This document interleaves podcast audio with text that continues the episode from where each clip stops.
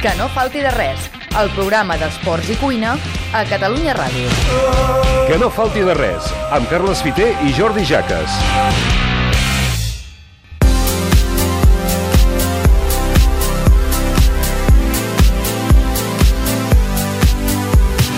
Si una cosa tenim en aquest programa, no sé si ho haureu notat, és que ens agrada tirar dels amics. Però clar, és que tenim una sort, Jordi, que és que tenim amics que són bons. Ah, això, i, això és, és important. I, i, I que toquen molts sectors diferents del, de, del nostre ofici. I quan no tirem d'amics, eh, ens agrada tirar de territori i treure pit, per exemple, de l'Empordà, Jordi. Jo diria, no, la gent encara no sap que ets de l'Empordà, ni no, de l'Escala. Jo crec no. que en aquest programa no s'ha dit gaire.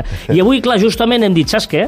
Avui que parlem de Girona, que estem dient que fem un homenatge a Girona, al Girona, doncs escolta, anem a juntar aquestes dues virtuts que tenim bons amics i que a més a més són del territori. I això ho farem amb un amic que treballa producte de qualitat de l'Empordà, que eh, eh, n'hi ha molt de producte i de qualitat, doncs fem-ho. M'estic referint a l'Enric Fanlo, que és el gerent d'Anxoves de l'Escala. Hola, Enric, què tal? Molt bé. Estem bé, sí? Sí, sí, molt bé. Home, molt bé. perfecte, perfecte. Aquí ens agrada molt aprendre de producte, ens agrada aprendre d'històries, eh, ens agrada eh, que ens expliqui una mica descobrir eh, moltes particularitats del producte, perquè molta gent parla de les anxoves, i, i jo una de les coses, i, per, i, i, i em poso d'exemple, perquè quan ho vaig descobrir em va, eh, em va agradar molt, i és d'aquelles històries que l'he explicat, és que tota la història que s'amaga darrere les anxoves, perquè les anxoves, va, una anxova, vinga, no, també hi ha reserves, hi ha grans reserves, depèn del temps que estan en, no? en, eh, en, en curació, es diu? Sí, sí, en maduració, En- confitant... Eh, Clar, i llavors dius, ostres, és que això és com els vins. Els vins tothom té clar. Home, un vi no és el mateix un vi jove que un vi de reserva. Això, els vins tothom ho ha après. Però és que els anxoves es podria fer un paral·lelisme amb això. Sí, mira, eh, seguint amb el que tu deies, per exemple, el que coneixem com a seitó o bocaró en vinagre, doncs eh, en el món dels vins seria un vi jove, no? eh, en, en, en poc temps eh, agafes les anxoves eh, fresques, les eh, marines en, en vinagre i tens eh, un producte que, que, que té molts, molts seguidors i que hi ha gent que li encanta, però que diríem que el podríem assimilar a un Beaujolais o una, un vi jove, no? I l'anxova doncs, ja seria un, un, un producte doncs, com un vi de reserva que requereix de, nosaltres com a mínim sis mesos de, de, de confit o de maduració i que inclús, eh, i en Jordi, que, que és un gran prescriptor de, del nostre producte, eh, doncs ens hem quedat sorpresos amb proves que hem fet per, per, per fer grans eh, reserves amb eh, 5 o 6 anys de, de maduració, no? Eh, fi- fixa't, Ardés, eh, tu, quan vas al supermercat, una de les coses quan vas a comprar és, ostres, que les anxoves són cares, no? Allò pot semblar, eh? Dic, des de fora vas allò, són cares, i dius, un moment, depèn de quina anxova. És que, clar, és que veus a vegades una, una, una diferència de preus que tu amb els vins ho tens clar. Tu amb vins tens un vi de 3 euros i un vi de 50 o de 1.000 euros. I tens clar aquesta diferència. Llavors però un moment, però és que tu, ara tu deies, és que hi ha anxoves de fa 5 o 6 anys. Clar, Sí, no, això no és habitual i són eh, reserves especials que fem doncs, per, per, per determinats eh, mm, restaurants o per, per, per ocasions especials, però sí que en general estem al voltant d'un any eh, per arribar a obtenir el producte, no? I per tant, aquestes diferències de preu tenen explicacions eh, relativament senzilles, que és, eh, per un cantó, el, el, el cost de la matèria primera, Eh, hi ha altres eh, latituds, altres països, on el cost de la matèria primera és bastant, bastant més inferior. Eh, jo mm, dic que són diferents en, en quant a qualitat i després un, una, un procés eh, aquí a Catalunya, a l'escala, que et garanteix tots els requisits eh, sanitaris de, de primer ordre mundial, no? Ah, i, i cosa, no, cosa que no es pot garantir a tercers països on eh, empreses del nostre sector han anat a deslocalitzar la producció eh, buscant eh, mà mà d'obra barata. Ja, és que llavors proves segons quin anxo i dius, ah, no, clar, entenc la diferència. I ara et deixo pas, eh, Jordi, però... Com els toros, sí, sí, eh? estàs a punt de... de veig, per això et miro. I, I llavors l'altre punt, que, que, que, que també és molt important, jo recordo quan vaig visitar la vostra fàbrica, que em van dir com t'imagines que és la màquina d'envasar anxoves, no? I dius, ostres, doncs deu ser avui en dia la robòtica, deu ser una màquina no? que agafa el pot i les va posant allà, totes a una, amb una mena de sensor, de braç robòtic i tal. I diu, bé, més o menys. I arribo a la sala, que robots ni que punyetes. És a dir, era gent que deies de tota la vida manualment posant una a una aquelles anxoves que queden en aquell pot que dius, això realment es pot fer manualment, que queden en aquell pot tan ben posades, tan d'allò, i clar, dius, ostres, és que això està encara, any 2018, es fa mà. Sí, sí, es fa mà igual que es feia fa 200 o 300 anys. Eh, hem pogut automatitzar eh, parts del procés que pensàvem que no, eh, i de fet eh, no aporten valor, que és tapar el pot, dosificar l'oli, posar l'etiqueta, rentar el pot, etc. No? Però tot el que és el procés principal el continuem fent eh, a mà. Les dones que tenim són eh, filles i netes d'algunes dones que hi havien treballat, i el poble de l'Escala doncs, eh, s'ha mantingut una apreci especial per aquest producte eh, aquestes dones en saben bastant més que jo de com s'han de fer les anxoves i de, de com s'han de tractar i al final es tracta de respectar això no? I el que, en fi, nosaltres que som una empresa petita ens costa posar en valor doncs, eh, doncs aquesta feina que, com tu deies, no tothom és conscient del treball que hi ha al darrere i de l'ofici d'aquestes eh, anxoveres que et garanteixen eh, una excel·lència en, en el producte. No? Hi ha altres opcions, com tu deies, a uns altres preus, i jo, ja que estem amb un, amb un eh, cuiner o xef de referència, eh, m'agradaria fer també una observació que m'ha fet l'Arzac, ¿no? que és que deia, mira, a mi casa viene a cenar eh, o a comer todo el mundo, y unos vienen más y otros vienen menos, ¿no? Eh, jo faria també una, una, una recomanació, és que eh, amb les anxoves, clar, també eh, podria ser extensible a altres productes, no? Penso que val la pena menjar unes anxoves bones, potser no tan sovint, però, però sí ser una mica... Curosos. Amb... Curosos, perquè si no estem posant en perill a, el producte mateix. Sí. I associar, associar anxoves amb un producte de mala qualitat, com ha pogut passar amb altres eh, conserves o amb altres productes, no?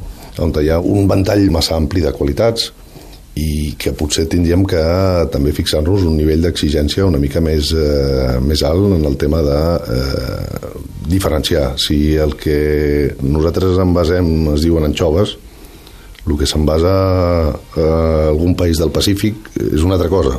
Clar. No? És com el llenguau i el flatant. Mm -hmm. Són peixos que són cosins, cosins eh, tercers o quarts, però mm, no són exactament la mateixa espècie en el mateix producte. De fet, a, a les anxoves de l'escala es fan a l'escala. Per tant, si un dia aneu a l'escala, pareu un moment al molí, que ve de pas a l'entrada del poble, i una mica més endavant, no gaire més lluny, hi ha la fàbrica on la pots visitar. Vaja, jo suposo que, que organitzeu visites o organitzades... No, si no ho fes, Enric. Si mira, sí, no, no, no, no, vinc davant no, que no falti res. Sí, home, sí, escolti, passi, no, passi. Va. I, I així veuen eh, realment com, com és aquest procés, perquè de veritat, jo, jo vaig al·lucinar, és una fàbrica modesta, petiteta, no, no és uh, uh, allò, no, no, tens 25.000 hectàrees, exacte, correcte, amb 15.000 treballadors, però és, és, és, és una cosa que val la pena veure, perquè a més a més, ja et dic, ho tenim aquí a, a territori i no a unes illes del Pacífic. Jo tornant, tornant al, al tema del preu, vale? per, per, per tancar-li, a més a més, per ficar l'anxova allà on te li pertoca, jo entenc que eh, la gent associa l'anxova a un producte car perquè és veritat que un dia va ser barat Vale? Llavors, clar, mm. el fet de que un dia va ser econòmic, ara com s'ha disparat? Pues, bueno, pues, pues la matèria prima, el que bé deies, ha canviat. Um, a més a més, no es pot, uh, no es pot uh, automatitzar els processos, vull dir, segueix sent manual, llavors, per defecte, és un, és un producte car.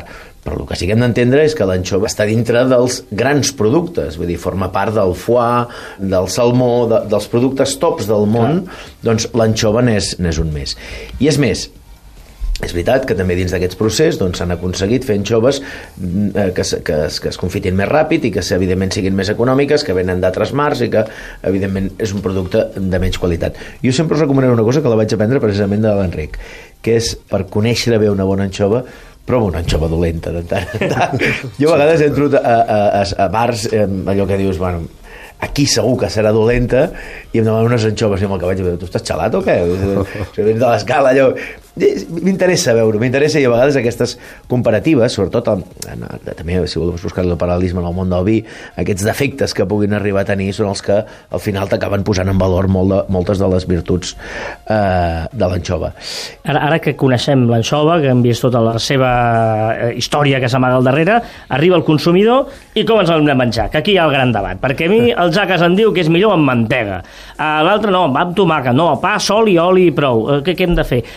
Jo una cosa que vaig aprendre a l'escala, una de les primeres coses que em va ensenyar el Jordi és, quan veus la gent que es posa l'anxova sobre la llesca de pa i mossega, diu, no, tu et menges l'anxova sola, que és espectacular, no, no la barreges amb res, i llavors si vols li fots queixalada al pa o el que tu vulguis. Si el producte és prou bo, no cal eh, acompanyar-lo ni disfressar-lo. Eh, per tant, si tu tens un bon peix, eh, en fi, jo prefereixo menjar-me a la planxa, no? En qualsevol cas. Eh, I en Jordi és un eh, excel·lent eh, banc de proves per eh, fer diferents combinacions sorprenents amb, amb l'anxova. I jo crec que amb, amb un tomàquet de madur, amb un pebrot escalivat, amb eh, escarxofes, vull dir, són combinacions senzilles. La mantega a mi m'aboca quan jo era petit, que el, a les festes amb els de la classe la meva mare ens posava al mig el, eh, pan bimbo amb, amb, amb mantega i anxova, que en Ah. aquella època eren totes bones, no? No, jo, jo- jo faria un pas enrere molt més important en el món de l'anxova, que és que com hem de menjar l'anxova, el productor compra un bon peix, se la fica en sal, però ell no acaba tot el procés. És més, m'atreviria a dir que ell arriba al 50% del procés. O sigui, hi ha un altre 50% que s'ha de treballar i molt. I en aquí soc, eh, soc incòmode, eh? perquè les anxoves les hem de comprar amb sal. Sigui, si volem acabar de menjar-nos una bona anxova, lo interessant és tenir-la amb sal i netejar-nos nosaltres les anxoves. Sí, home. Sí, home, no tens res més a fer que netejar anxoves, jo a casa. Soc conscient de que... Jo, el Jordi sap que estic absolutament d'acord amb ell i m'agradaria també posar un exemple que per mi és bastant paral·lel, que és el pernil eh, acabat de tallar o el que està tallat És i exactament el mateix, exactament el mateix. No hi ha color, Tu com, com no prefereixes color, un no? pernil? Evidentment, si vius a, El mateix a pernil, casa no, no. sol, acab- ac- acabaràs I, i, comprant... jo, basat jo saps què fa? No, jo agafo un pernil i vaig a la tenda de tall i me'l sisplau i me l'envassa al buit. I me'l me Vale. porto eh, tallar penjant doncs tot el això, dia. Doncs això és com quan compres l'anxova amb oli. Sí. És com compres l'anxova amb oli. Que, que, és, que és un molt bon producte, que és un producte molt interessant, però si volem ser... Volem allò... Realment estem parlant de disfrutar Per això- però ja vaig el, al molí, producte, el, ja al producte, el producte top. L'anxova amb sal. Per què l'anxova amb sal? Primer perquè ens, ens aguantarà molt més. I a més a més viurem un procés en aquell anxova, li estan passant coses encara. I, i res del que li passarà probablement serà dolent. Um, llavors perquè la- l'anxova acabada de netejar i menjada és, és fantàstica. Després perquè el netejar bé l'anxova és un dels altres processos importantíssims. O sigui, hi ha gent que o la passa massa amb aigua, o li treu massa la pell, que la pell de sobre se l'ha de treure, però fins a un punt correcte, una netejada en excés, i sobretot quan acabes de netejar-la, si, la, si li treus bé Si la l'aigua, seques- la si la seques seques ben massa- bé, o si la seques massa... O... I per què no? Amb quin oli la submergiràs? Què estàs buscant, eh? Amb aquella anxova que tens, quin oli... Això, això és, és una mica com el que parlem moltes vegades de les copes Riedel, no?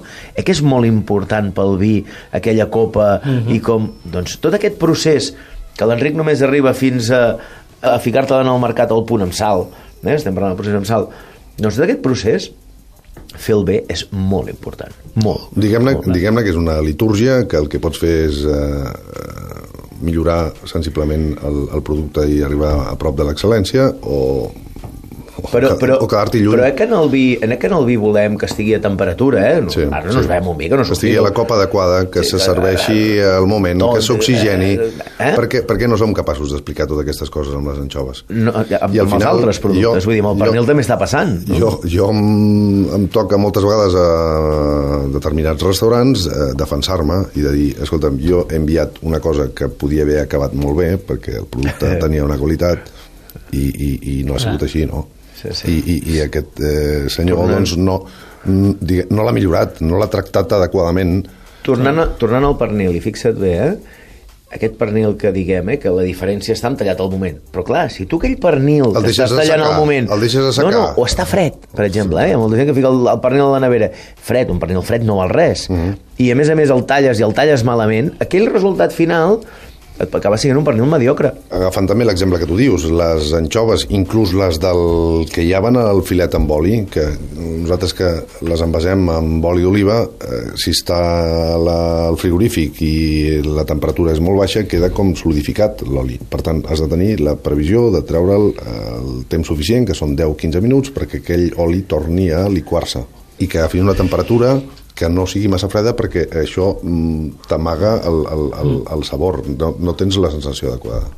Molt bé, Mm, o sigui, o sigui heu estat eh, No, no, 5 no, minuts per no, no, està bé, per no dir-me si ha de ser amb mantega o amb tomàquet o, o sense sol. Sol. No, A mi la combinació amb mantega m'agrada perquè és una manera de de, de netejar molt bé aquell punt més agressiu o més fort que pot arribar a tenir l'anxova, és una combinació que m'agrada, però també m'agrada amb un bon oli, un trosset de pa, i amb una tomata ben, ben madura o amb un, amb un pa brotet també m'hi pot anar-hi bé. Se- Següent pas. Ara que ja la tenim, ja hem triat el d'allò, amb què me la bec? Amb un vi, blanc, negre, cava, és indiferent, és igual, amb què pot maridar millor una anxova? Jo tinc la meva preferència, o les meves preferències, no? però al final es tracta d'intentar que combinin amb... Sí, sí, home, sí, hi ha, hi ha- gent que es fot cervesa amb gel o, jo sé, o, Depèn, o vi amb depèn, gel. depèn, depèn de que, en quin moment menges, no? Però a mi l'aperitiu amb una cervesa glaçada i una bona anxova em sembla excel·lent, no? Bona combinació, molt bona combinació. A mi m'agraden molt els, el moscat de l'Empordà, i, i, i no per proximitat, eh, sinó és una combinació també que m'hi agrada molt. A mi el, el, el, el, que et doni el contragust una miqueta és una que se'm fa molt agradable amb l'anxova. D'aquí que m'hi atreveixi a ficar-hi mm, coses dolces, eh, l'anxova. Hi ha gent, hi ha gent que diu que amb, uh, la combinació amb cava és excel·lent, Mhm. perquè Correcte. les bombolles del cava t'ajuden... I un a- cava rosat, fins i tot. Sí. En fi, eh, mm, i un vi mm, blanc eh, de l'Empordà o, o del Penedès i eh, per a gustos estan els colores, no? Jo espero que els, els amics del cava o del vi eh, entenguin que, que a mi el moment aquell de la cerveseta abans de sopar o... Mm. Perquè, perquè al final jo continuo creient que és un aperitiu eh, excel·lent. Com a aperitiu és aperitiu excel·lent. senyor. Eh, una altra cosa és que mm, avui, afortunadament, eh, a un gran nombre de, de, de restaurants tenim algun plat d'anxoves a la carta ja. Ah, Que quan parlàvem abans, eh, bueno, fa 50 o 60 anys, era l'entrepà del, del, del que estava treballant sí. a l'obra, no?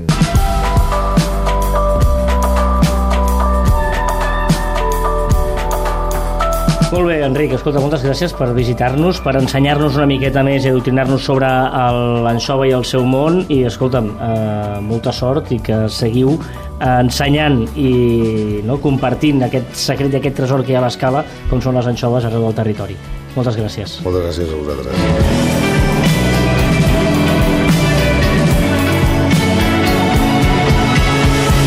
Que no falti de res, el programa d'esports i cuina a Catalunya Ràdio. Amb Carles Fiter i Jordi Jaques.